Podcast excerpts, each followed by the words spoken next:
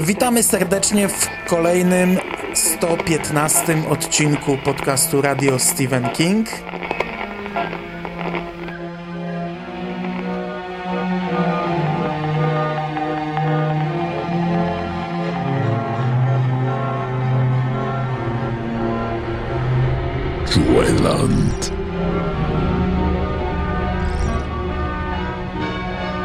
Dzisiaj znów jest z nami Łukasz Skóra. Witamy cię serdecznie. Witam wszystkich serdecznie.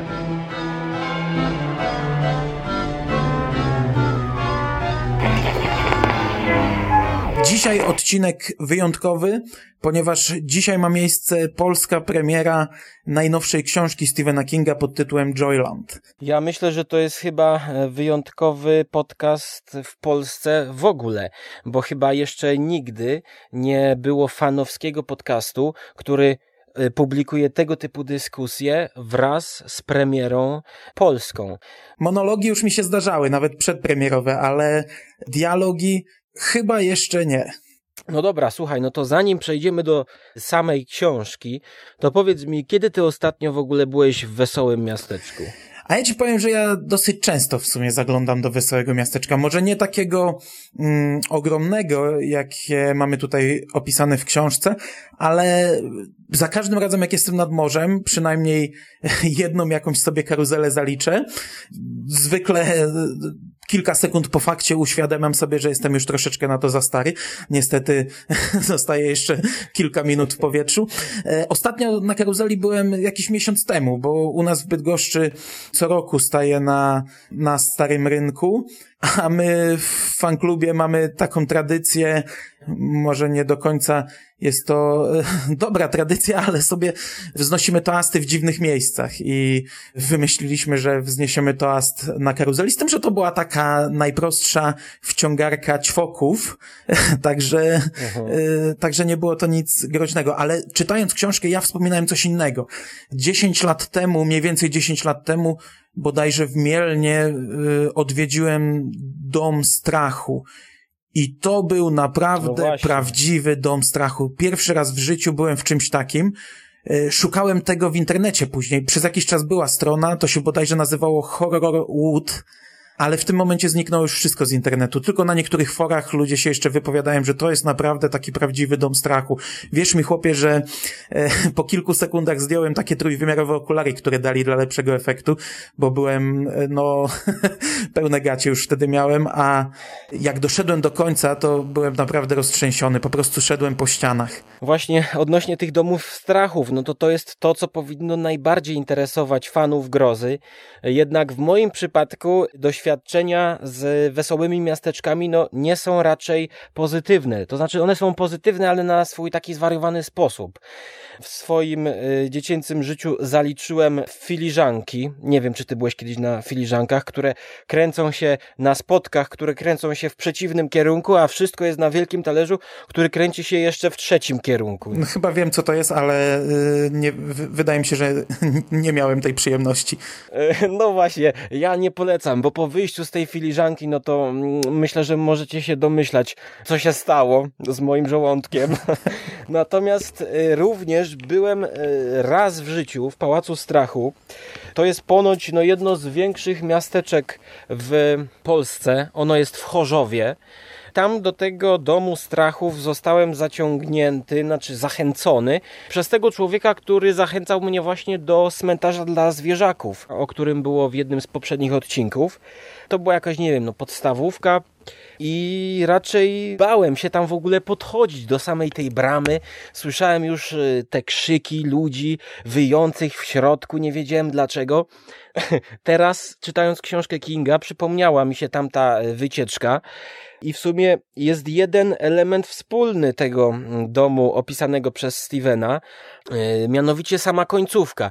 Kiedy ludzie myślą, że to już jest koniec, już widzimy wesołe miasteczko i ludzi, i rodziców czekających na ciebie, to nagle wyskakuje wielki kościotrup i kolejka hamuje tuż przed ścianą. Coś takiego wydaje mi się, że było właśnie w Chorzowie.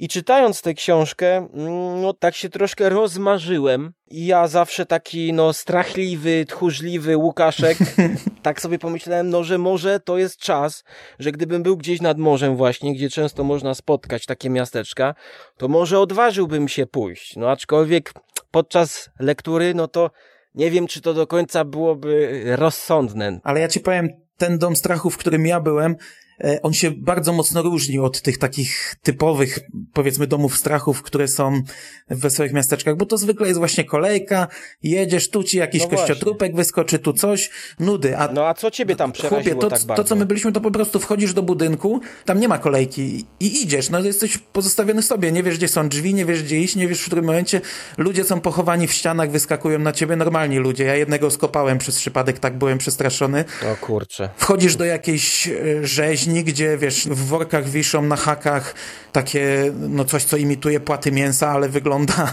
e, i po prostu przechodzisz między tym, musisz, wiesz, się przedzierać przez coś takiego.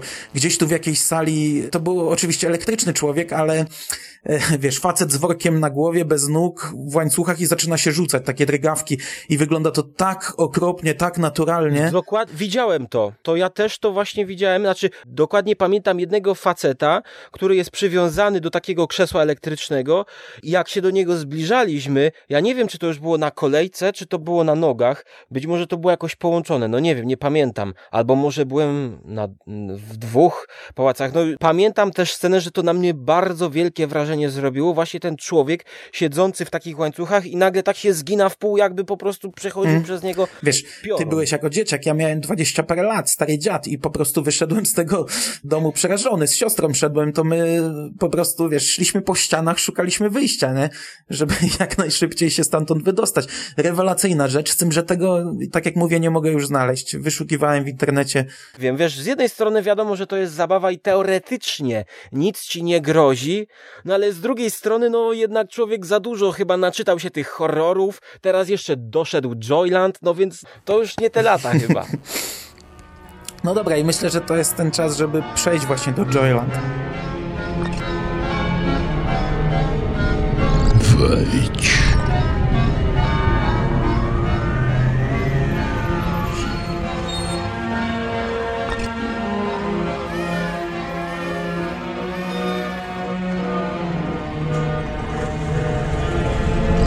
Jeśli się odważy.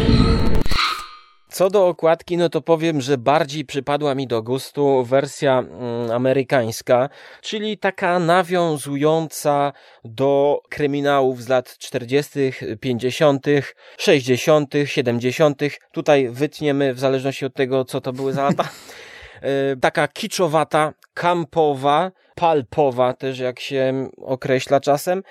W polskiej okładce mamy głównego bohatera, który wchodzi do wesołego miasteczka. Widzimy go od tyłu, jest to ujęcie jakby z gry komputerowej. To nam sugerować może, że my jesteśmy tym bohaterem. I jest tutaj jakaś konsekwencja mm, w samej książce, która jest napisana w pierwszej osobie. Dzięki temu łatwiej jest wejść w atmosferę. Jest to takie ciekawe nawiązanie Vincenta Chonga, ale jednak mimo wszystko ja lubię takie nawiązania retro, vintage, więc wolałbym tę amerykańską wersję kupić. I Taka ciekawostka do tego amerykańskiego wydania, że na okładce jest ta sama postać, co na Colorado Kid. To jest dokładnie ta sama kobieta, bo jest to partnerka e, autora okładki. On jej twarz umieścił zarówno na jednej, jak i na drugiej książce. Natomiast e, co się tyczy polskiego wydania, no ja omawiałem tą okładkę we wiadomościach z Martwej Strefy jeszcze zanim przeczytałem książkę, więc wtedy mogłem sobie jedynie gdybać.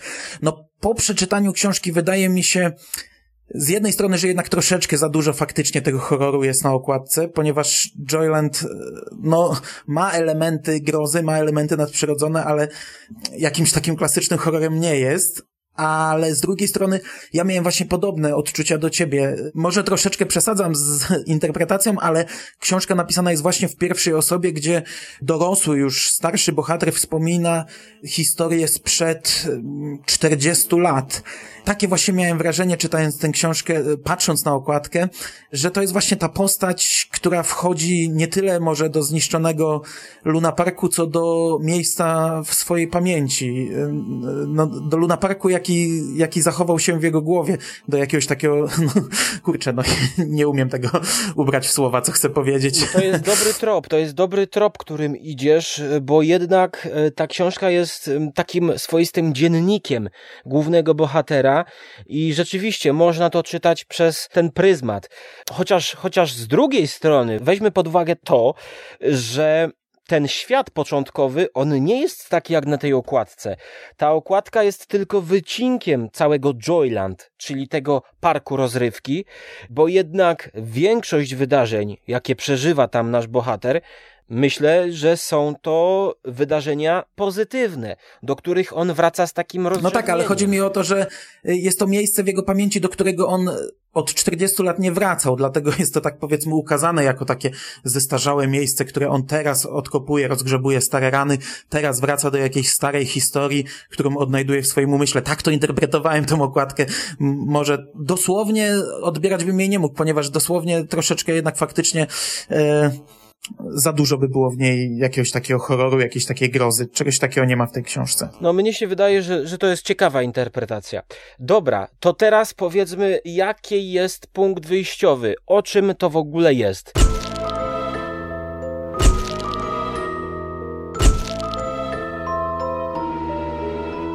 Joyland, the new novel from Stephen King. Out now kim jest ten główny bohater? Główny bohater jest studentem, 21-letnim studentem, młodym chłopakiem, który postanawia wyjechać do takiej nadmorskiej miejscowości Heavens Bay w północnej Karolinie i tam zatrudnić się jak, jako taki po prostu pracownik parku rozrywki, aby zarobić na studia. Wynajmuje mieszkanie, gdzie poznaje inne osoby, które również przyjechały do pracy i w zasadzie historia mm, początkowo dotyczy właśnie parku rozrywki. Historia, tak jak powiedzieliśmy, jest przekazywana nam przez dorosłego, dużo starszego mm, bohatera, i on nam po prostu opowiada o lecie, w którym pracował w Joyland. I trzeba jeszcze dodać, że jest to lato, w którym zostawia go jego ukochana dziewczyna Wendy, z którą wiązał całą przyszłość.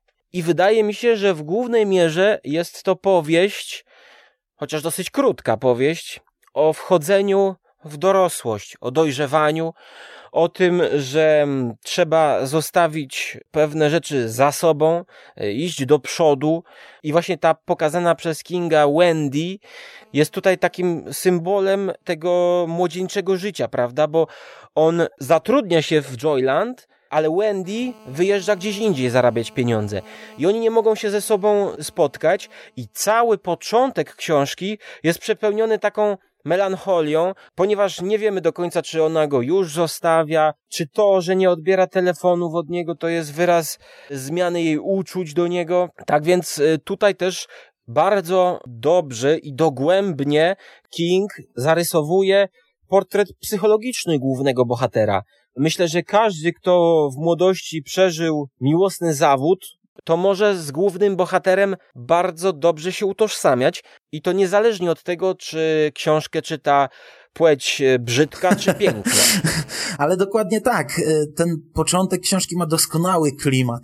Właśnie główny bohater ustami dorosłego człowieka pełnego doświadczeń opowiada nam o tej pierwszej miłości, o tej pierwszej, o tej pierwszej utraconej miłości i to jest, myślę, że każdy, kto kiedyś przeżył jakiś zawód miłosny, każdy, kto przeżył jakąś pierwszą miłość, to w tym momencie będzie, będzie myślał o tej właśnie kobiecie, czy tym właśnie mężczyźnie, tej dziewczynie, czy tym chłopaku. Ja powiem więcej. Wydaje mi się, że Kingowi udało się opisać kilka takich sytuacji, uniwersalnych dla każdego zawodu miłosnego, czyli że najpierw jeżeli jest, mamy jakąś parę, ona się powoli rozchodzi, to są tego symptomy. Określone słownictwo, jeszcze zanim do jednej z osób dojdzie to, że ta druga już nie chce i daj mi spokój, określone zachowanie, e, unikanie pewnych tematów i tak dalej, i tak dalej. I wydaje mi się, że tutaj są takie sceny, w których pisarz trafia w sedno obrazu takiego rozpadającego się młodzieńczego związku. Mnie się wydaje, że ten cały początek i obyczajowa warstwa powieści jest najlepsza z tego, co nam King próbuje zaprezentować.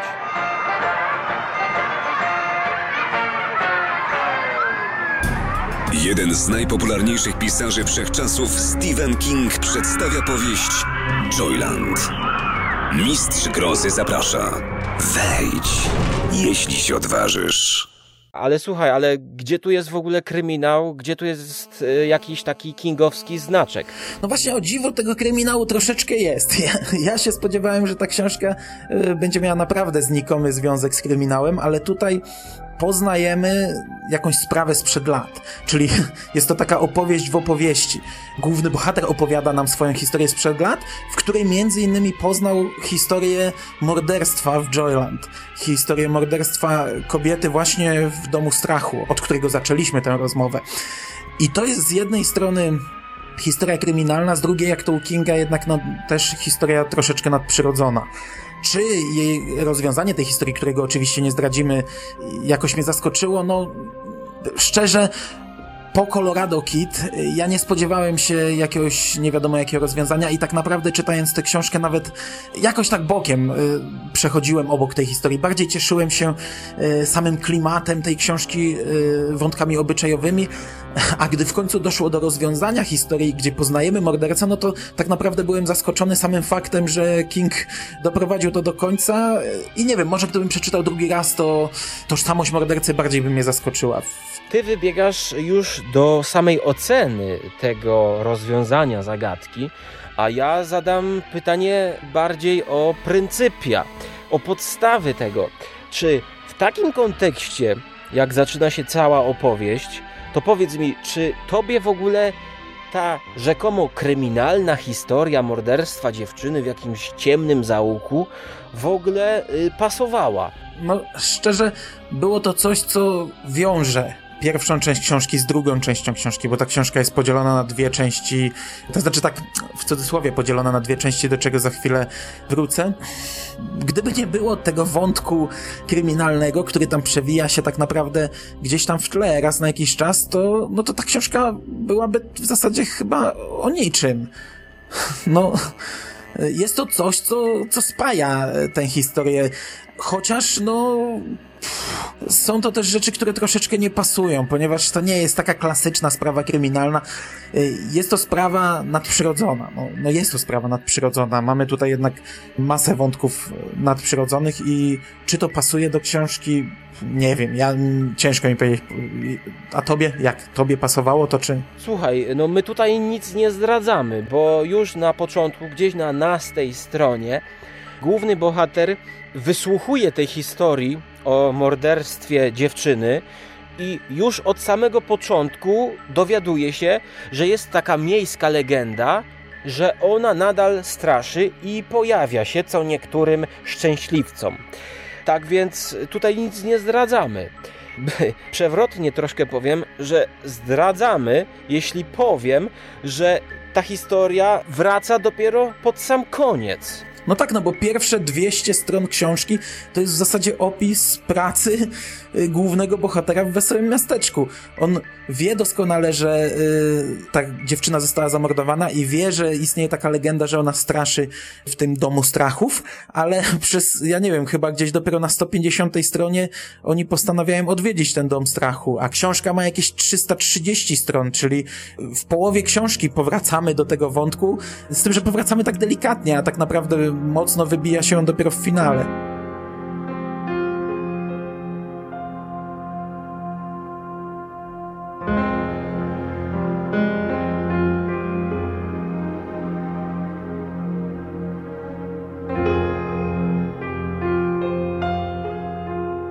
polski wydawca bardzo rozciągnął to. Spokojnie można by to wydać jako 200-stronnicową cienką książeczkę.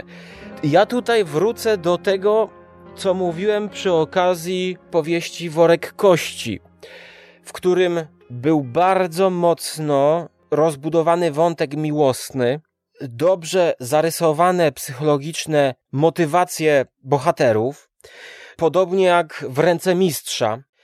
I ja tutaj dochodzę po raz kolejny do momentu, w którym stwierdzam, czytając Kinga, że ja chciałbym, żeby King napisał książkę w ogóle niezaliczoną do gatunku horroru, nawet do kryminału. Książkę, która mogłaby być reklamowana e, jako coś gdzieś z obszaru około gatunkowego, ale żebym był przez niego w jakiś taki sposób zaskoczony, że po przeczytaniu i oczekiwaniu tego nadprzyrodzonego okazało się później, że to była zwykła historia, którą można by zaliczyć do tak zwanej mainstreamowej literatury. I wydaje mi się, że, że te moje oczekiwania są spowodowane tym, jak on to pisze, no bo jego styl w Joyland jest bardziej taki skomasowany, zbity. On tutaj nie wchodzi w zbędne dygresje, znaczy niektórzy uwielbiają te dygresje, ale tutaj mamy wręcz coś, co można by przełożyć na scenariusz filmu dosyć łatwo, aczkolwiek wydaje mi się, że z tego by wyszedł kiepski film. Jak byś ty zareagował, gdyby okazało się, że któraś z książek Kinga kończy się tym, że nie ma ani horroru, ani żadnego ducha, ani zjawy, tylko jest to zwykła powieść obyczajowa, napisana w takim kingowskim stylu. No, ja mam wrażenie, że od kilku lat, y, nie wiem, od dekady King pisze tego typu opowiadania. Bardzo dużo jego opowiadań tego wieku, z XXI wieku jest po prostu o ludziach, po prostu obyczajowe, bez żadnego wątku nadprzyrodzonego. No ale w powieściach faktycznie mm, zdarza mu się cały czas umieszczać niekoniecznie potrzebne wątki. Ja miałem dokładnie te same skojarzenia, co, co ty czytając tę książkę. Po pierwsze ręka mistrza, ale to bardziej klimat, klimat nadmorski. Ja uwielbiam po prostu klimat nadmorski. Uwielbiam, e, uwielbiam miejscowości nadmorskie, uwielbiam miejscowości nadmorskie zarówno w czasie sezonu, jak i po sezonie. A w tej książce mamy mamy właśnie pierwszą połowę w trakcie sezonu, a drugą połowę po sezonie. Klimat miejscowości nadmorskich po sezonie jest dla mnie po prostu bajeczny. Ja w tym momencie bym mógł usiąść z książką sobie gdzieś na plaży i czytać. I Joyland według mnie do tego się nadaje idealnie. Nie wiem, czy ktoś ze słuchaczy był może w takiej e, mieścinie jak Pobierowo. Tam jest właśnie takie małe miasteczko, które nie wiem, czy przyjeżdża, czy jest tam na stałe ale mnie się wydaje, że Joyland można czytać nie tylko na plaży, ale siąść sobie gdzieś w pobliżu właśnie takiej karuzeli i czytać, słysząc bawiące się dzieciaki w tle. Ja myślę, że w trakcie czytania w pewnym momencie niektórzy mogliby schować książkę do plecaka i powiedzieć, no nie, jednak wchodzę, idę na tą największą karuzelę i wjeżdżam wagonikiem do Pałacu Strachu.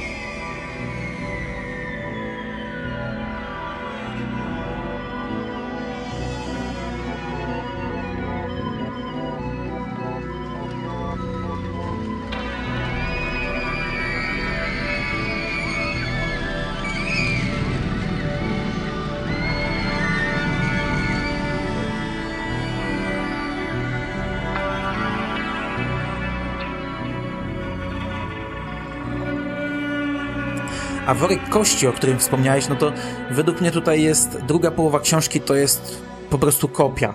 Kończy się praca w Joyland, kończy się sezon, nasz bohater pozostaje w tej miejscowości i poznaje dwójkę nowych bohaterów, którzy tak naprawdę już tam przewijają się na samym początku, ponieważ on gdzieś tam w jednej z pierwszych scen y, na plaży mija ich dom i narrator już nam sugeruje, że oni odegrają bardzo ważną rolę w jego życiu.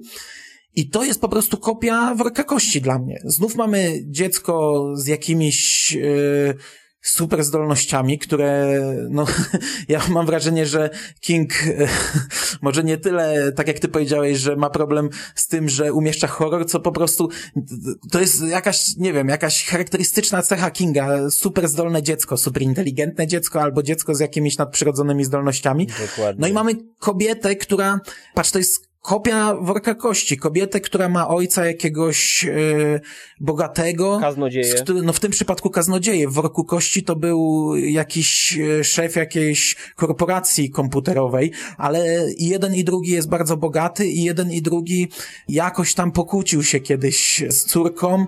Córka nie dopuszcza go do wnuka i tak dalej, i tak dalej. No jest to według mnie motyw żywcem wyjęty z worka kości. Tam był starszy mężczyzna i młodsza kobieta, tu jest młody mężczyzna i nieco starsza kobieta ale reszta to jest po prostu worek kości w pigułce, plus elementy nadprzyrodzone, które, tak jak już powiedzieliśmy, niekoniecznie tutaj pasują. nie dość, że dziecko, nie dość, że jeszcze jakieś zdolności, nie dość, że nie wiadomo do końca, czy to dziecko ma te zdolności, czy, czy po prostu jak to dziecko buja w obłokach.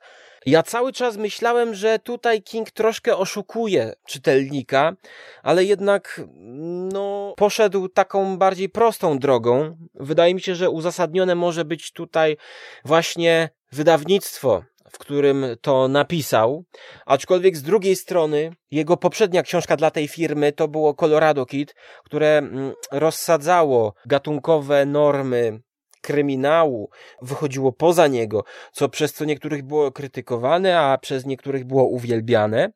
Natomiast tutaj ta amerykańska okładka właśnie nawiązuje do tych takich palpowych kryminałów, bo rzeczywiście jakby tak spojrzeć na to takim chłodnym okiem, to zobaczmy ile mamy tutaj elementów wręcz tak po prostu nagrzmoconych, napakowanych. Przepraszam, że to znowu powiem, ale jak w, jak w filmie klasy B, morderstwo w ciemnym zaułku, y, jakaś wróżka, y, facet w ciemnym kapeluszu, y, właściciel Luna Parku, główny bohater przebiera się za pieska i ratuje cudem ludzi. No można wymieniać tych elementów sporo, właśnie pochodzących z takich kiczowatych opowieści. I King bierze z tego pełnymi garściami, ale właśnie podbudowując, podbudowując to wiarygodnymi portretami psychologicznymi, my jesteśmy w stanie wejść w psychikę tego głównego bohatera i czujemy, że na jego miejscu zachowalibyśmy się podobnie. Zostawiając Wendy, zostalibyśmy po sezonie. Nawet być może olalibyśmy studia i pieniądze, które zarobiliśmy na kolejny rok nauki. My rozumiemy go znakomicie. Y, nie tylko jego, my rozumiemy postaci drugoplanowe. Para znajomych, jego kolegów zapoznanych w Joyland. Kiedy oni odjeżdżają, no to łezka nam się kręci wokół. Um, matka tego chłopczyka, o której jeszcze nie powiedzieliśmy, którą on ją poznaje w trakcie akcji, też między nimi jakaś więź się tworzy. Notabene tutaj um, scena troszkę właśnie z ręki mistrza, można powiedzieć, zgapiona. A ja w ogóle nie pamiętam sceny z matką. Y, no jak oni się poznają? Zauważ, że ale gdzie się poznają? Yy, ja on codziennie chodzi do pracy plażą. Pomimo, że ma samochód, to sobie spacerkiem chodzi. I gdzieś na wybrzeżu jest dom, wiktoriański zielonkawy dom, na którym codziennie widzi sylwetki dziecka, A, to ma, dziecka dobra. na wóz... Ja no. myślałem, że on swoją matkę poznał. Nie, nie. Dobra. No, to kontynuuję. Dziecka na wózku inwalidzkim i jakiejś kobiety zaczytanej w książkę, która nie zwraca na niego uwagi i dopiero kiedy on kilka razy przejdzie przez plażę, to są w stanie nawiązać ze sobą na początku kontakt wzrokowy, potem podchodzi coraz bliżej, aż wreszcie się poznają. No faktycznie, podobna... to jest żywcem wyjęte z ręki mistrza. To jest scena w zasadzie identyczna jak z Wiremanem, nie? Dokładnie, aczkolwiek w ręce mistrza było to jeszcze bardziej przemyślane i jeszcze lepiej doprowadzone do perfekcji. No Natomiast... wiesz, w ręce mistrza King miał 800 stron, żeby to opisać, więc mógł przez 100 e, stron poświęcić tylko temu wątkowi. Ta książka jednak dużo krótsza, więc wszystko szybciej się potoczyło.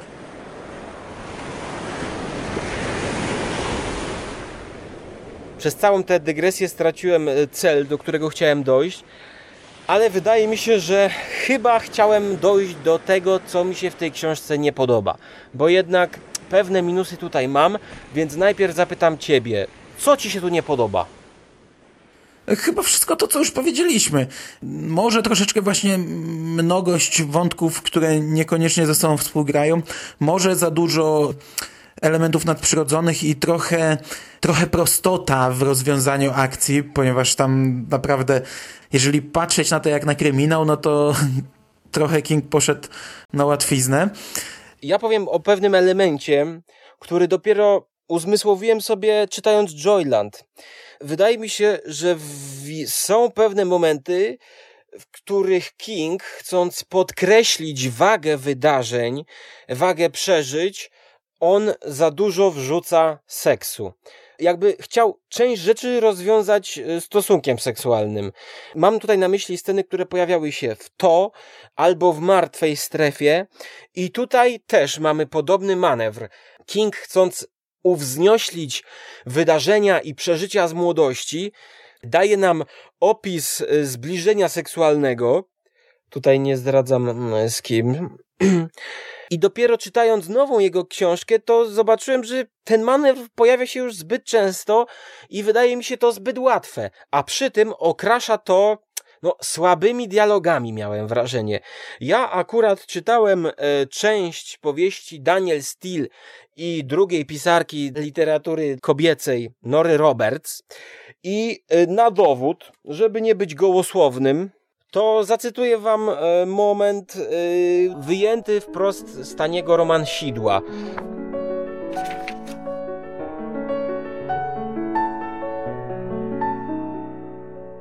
Wyglądała pięknie, kiedy stała przede mną boso w spranych dżinsach. Chciałem porwać ją w ramiona, wziąć na ręce i zanieść w świetlaną, beztroską przyszłość. Zostawiłem ją tam, gdzie stała. Nie taki jest świat, na którym żyjemy, powiedziała i miała rację. Całkowitą. Albo na przykład tak, dostałeś dokładkę, masz ochotę na deser? No, albo jeszcze, jeszcze jeden kwiatek. Y, pierwszy raz był żenujący, drugi raz niezły, trzeci kurczę, nie bez powodu mówi się, że do trzech razy sztuka. Bo ja tylko uświadomię e, słuchaczy, że Skóra nie cytował w tym momencie Daniel Steele, tylko cytował właśnie Stephena Kinga z Joyland. No właśnie. I, I tutaj właśnie teraz ta cała podbudowa, dygresja, teraz mi się przypomniało, dokąd zmierzała. Że widzisz, z jednej strony mamy tutaj e, bardzo psychologicznie wiarygodne postaci, a z drugiej strony mamy tą mm, pulpę, tak zwaną, czyli e, z tych powieści pulp fiction, do których nawiązywał Tarantino. E, I tutaj no, mamy jeszcze Harlekin. Tak więc wydaje mi się, że jest to mieszanka na swój sposób ciekawa, i nie każdemu może przypaść do gustu, ale nie bez kozery wydali to chyba na początku wakacji, e, jako właśnie takie lekkie czytadło w sam raz na plażę. Dla mnie te skojarzenia tutaj są ewidentne. Z tą, a nie inną datą wydania. No, ja przyznam, że ja może nie zwróciłem na to uwagi. Dałem się może troszeczkę porwać tej scenie e, zbliżenia seksualnego, ale teraz jak to czytałeś, to faktycznie jest coś na rzeczy. I może faktycznie King umieszcza to trosz, trochę za często. Jako przykład książki, w której nie umieścił sceny seksu, a która podziałała doskonale, ja bym podał worek kości, gdzie tam wszystko zbliżało do, do właśnie zbliżenia seksualnego, a przerwało się w ostatniej chwili. Jedna z według mnie lepszych scen u Stephena Kinga. Ale wracając do Joyland, no ja tę scenę kupiłem. Ona była tania, była dosyć prosta, ale jakoś tak dałem się porwać całemu klimatowi. No właśnie, i ta książka jest dosyć tania. Prawie 30 zł, więc droga nie jest. Dosyć banalna. Rozwiązanie, jak powiedziałeś sam wcześniej, jest też takie ni z gruszki, ni pietruszki. Ten morderca, no to właściwie ja musiałem się zastanowić, kurczę, o kogo chodzi? A też tak miałem przez chwilę. W ogóle e, są takie chwyty w tym momencie, że tak, e, bohater już wie, ale nam nie powie. I on doprowadza, nas mówi, coś tam przez trzy strony opowiada i na koniec podaje nazwisko. To jest kilka takich scen, że bohater coś tak. zapisał, on już coś wie, ale my jeszcze się nie dowiemy. Strasznie mnie denerwują zawsze takie, takie rozwiązania. No to jest taki manewr, w którym narrator ukrywa przed nami pewną wiedzę, kiedy dotychczas dzielił się w miarę chronologicznie, prawda? Więc to są takie przeskoki. One mają być właśnie takie efekciarskie, no i być może w takiej właśnie lekkiej powieści one nawet mi pasują. Akurat to mnie nie przeszkadzało tak bardzo, jak ogólna koncepcja całej książki. Bo ja dlatego wystawiam tej książce ocenę. Uwaga, teraz będzie moja końcowa ocena. 6 na 10. Czyli dobra, porządna książka. Wystawiam jej taką właśnie ocenę z tego powodu, że ona przez 70% obiecuje coś innego niż w samej końcówce nam daje. King, no, szkodzi tej swojej historii o dojrzewaniu, zapędzając ją w taki banał rodem właśnie z horroru. Ja rozumiem, że tutaj miała być taka jakaś właśnie manipulacja, gra z widzem i w ogóle z, z horrorem. No teoretycznie było to możliwe, ale moim zdaniem to się udało w Colorado Kidzie. Tutaj właściwie ja bym to kupił, gdyby tak ta gra była, a tutaj ta gra z horrorem sprowadza się do jednego dowcipnego dialogu, w którym główny bohater idzie w, w nocy przez miasteczko i słyszy skrzypiącą deskę i sam do siebie mówi – Słysząc tę skrzypiącą deskę, zanotowałem, że muszę ją w przyszłości naprawić. No bo zawsze gdzieś w horrorze coś skrzypi, prawda? I, i ludzie właściwie, no, y, traktują to za naturalne. A tutaj nagle okazuje się, że no, w sumie można tę deskę naprawić, więc jest taka demitologizacja y, chwytów horrorowych, takich klasycznych już przestarzałych, prawda? I wyśmianie tych chwytów. Ale są to takie rodzynki, takie rodzyneczki, które mm, no nie pasują do tej całej podbudowy. I tutaj już ostatnia rzecz, jaką powiem, akurat na plus, ale w minusie, czyli taki plus w minusie. Znaczy, czyli taki minus w plusie. No nie wiem, zaraz zobaczycie o co mi chodzi. Odnośnie tego głównego bohatera, który jest nieszczęśliwie zakochany, opuszczony, i jak to młodzieniec słucha odpowiedniej muzyki, żeby dodatkowo się zdołować. I King pisze. Wieczory spędzałem w swoim pokoju, gdzie któryś już raz czytałem Władcę Pierścieni i pisałem listy. Pisałem też sporo wierszy, o których dziś wstydzę się nawet myśleć. Dzięki Bogu, że je spaliłem. Dodałem nową i cudownie ponurą płytę do mojej kolekcji Dark Side of the Moon.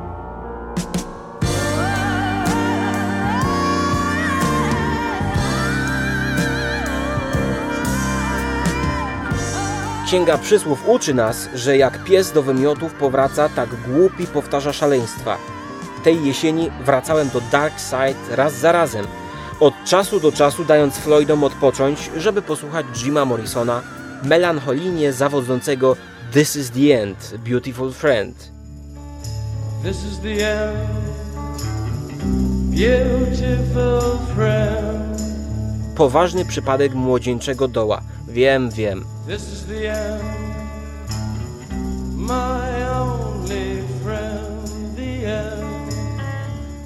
No i tutaj też po raz kolejny King trafia, nie wiem czy w sedno uniwersalne, czy trafia w dziesiątkę moich odczuć, bo pomimo, że ja w latach 70.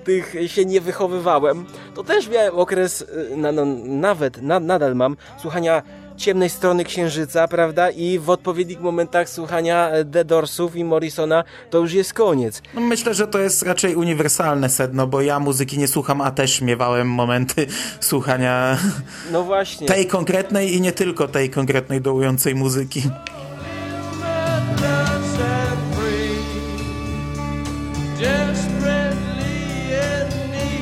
Takie właśnie małe rodzynki dla bardziej obeznanych w temacie.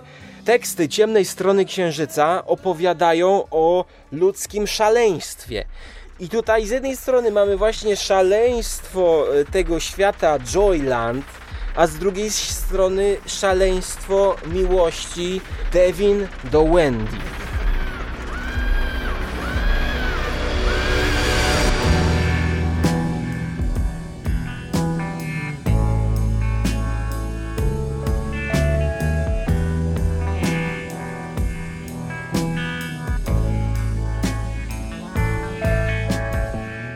Tak więc po raz ostatni powiem, że z jednej strony świetne postacie psychologiczne, a z drugiej strony no jakieś takie szaleństwo Kinga, który wchodzi w tą horrorową pulpę i grzebie w niej naszych bohaterów, których po prostu kochamy.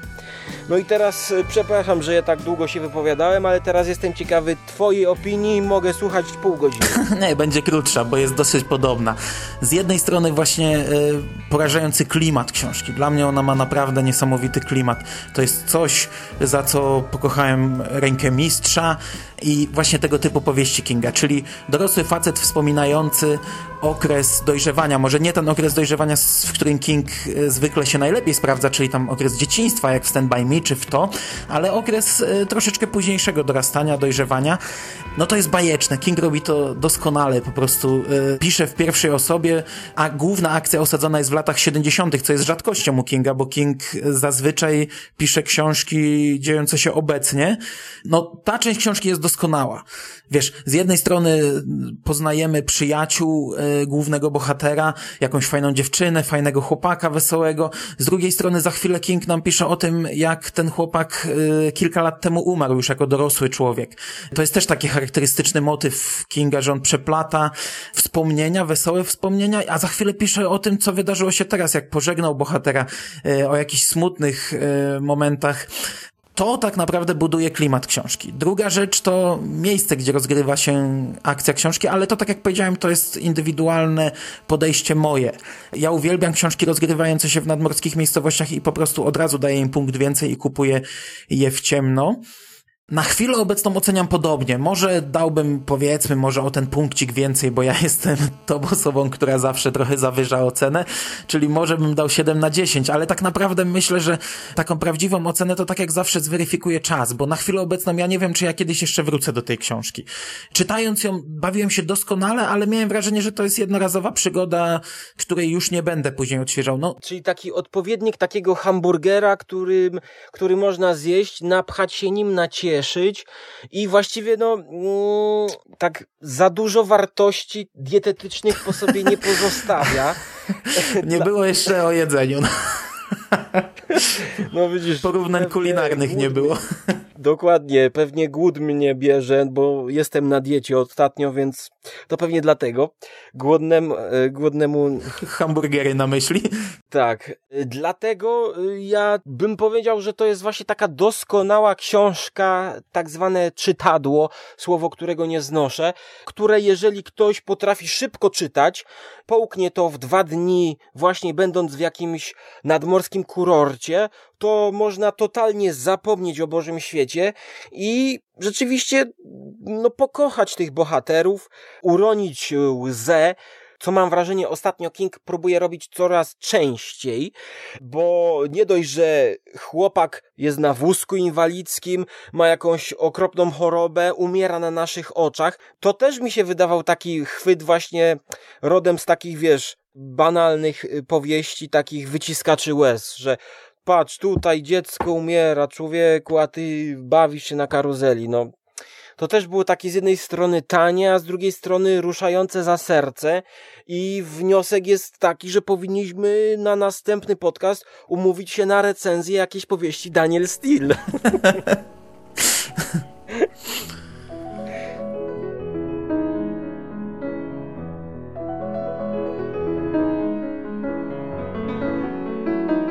Z tym, że tak jak mówię, w moim przypadku czas pokaże. Ja nie twierdzę, że do tej książki nie wrócę. W tym roku na pewno nie planuję wyjazdu nad morze w wakacje, więc w tym roku po nią nie sięgnę.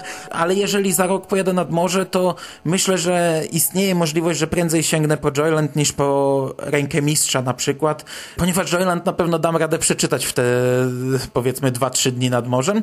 Pożyjemy, zobaczymy.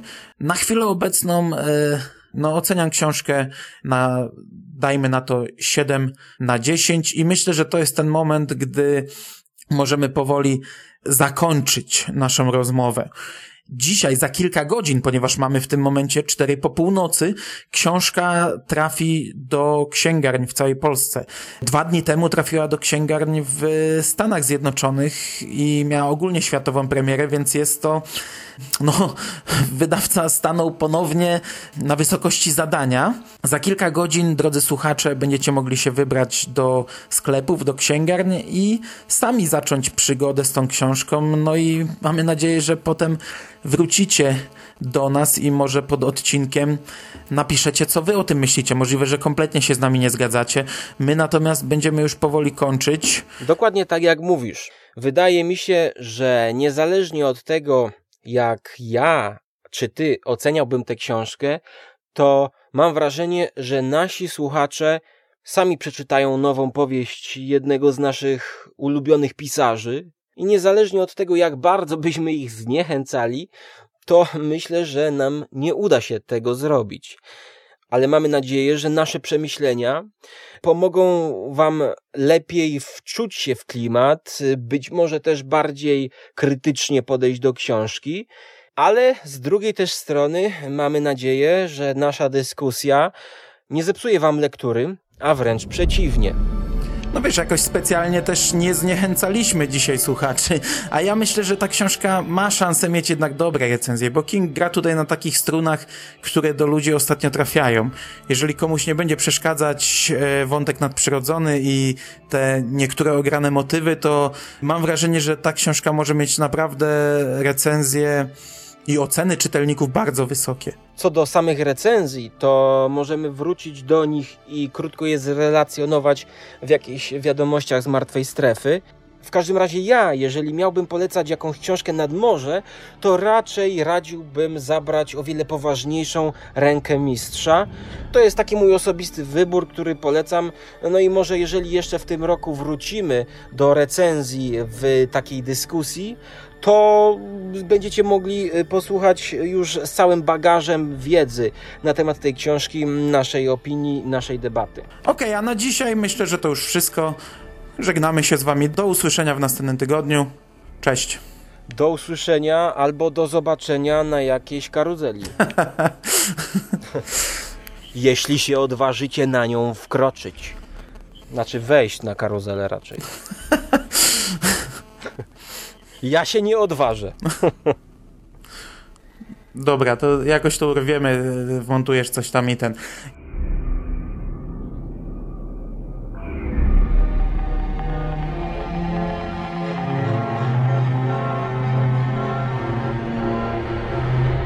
Joyland.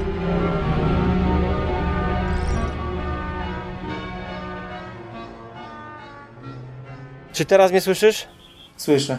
Dobra. E, przez, wiesz co, tylko ja będę, jak ja będę mówił, to ja będę odsuwał e, e, ten, słuchawkę, bo nie chcę, żeby mi dyktafon, bo on czasem mi zbiera, wiesz co, takie tyk, tyk, tyk, tyk, tyk. Kurde, no. mam nadzieję, że mi nie zbiera. No właśnie,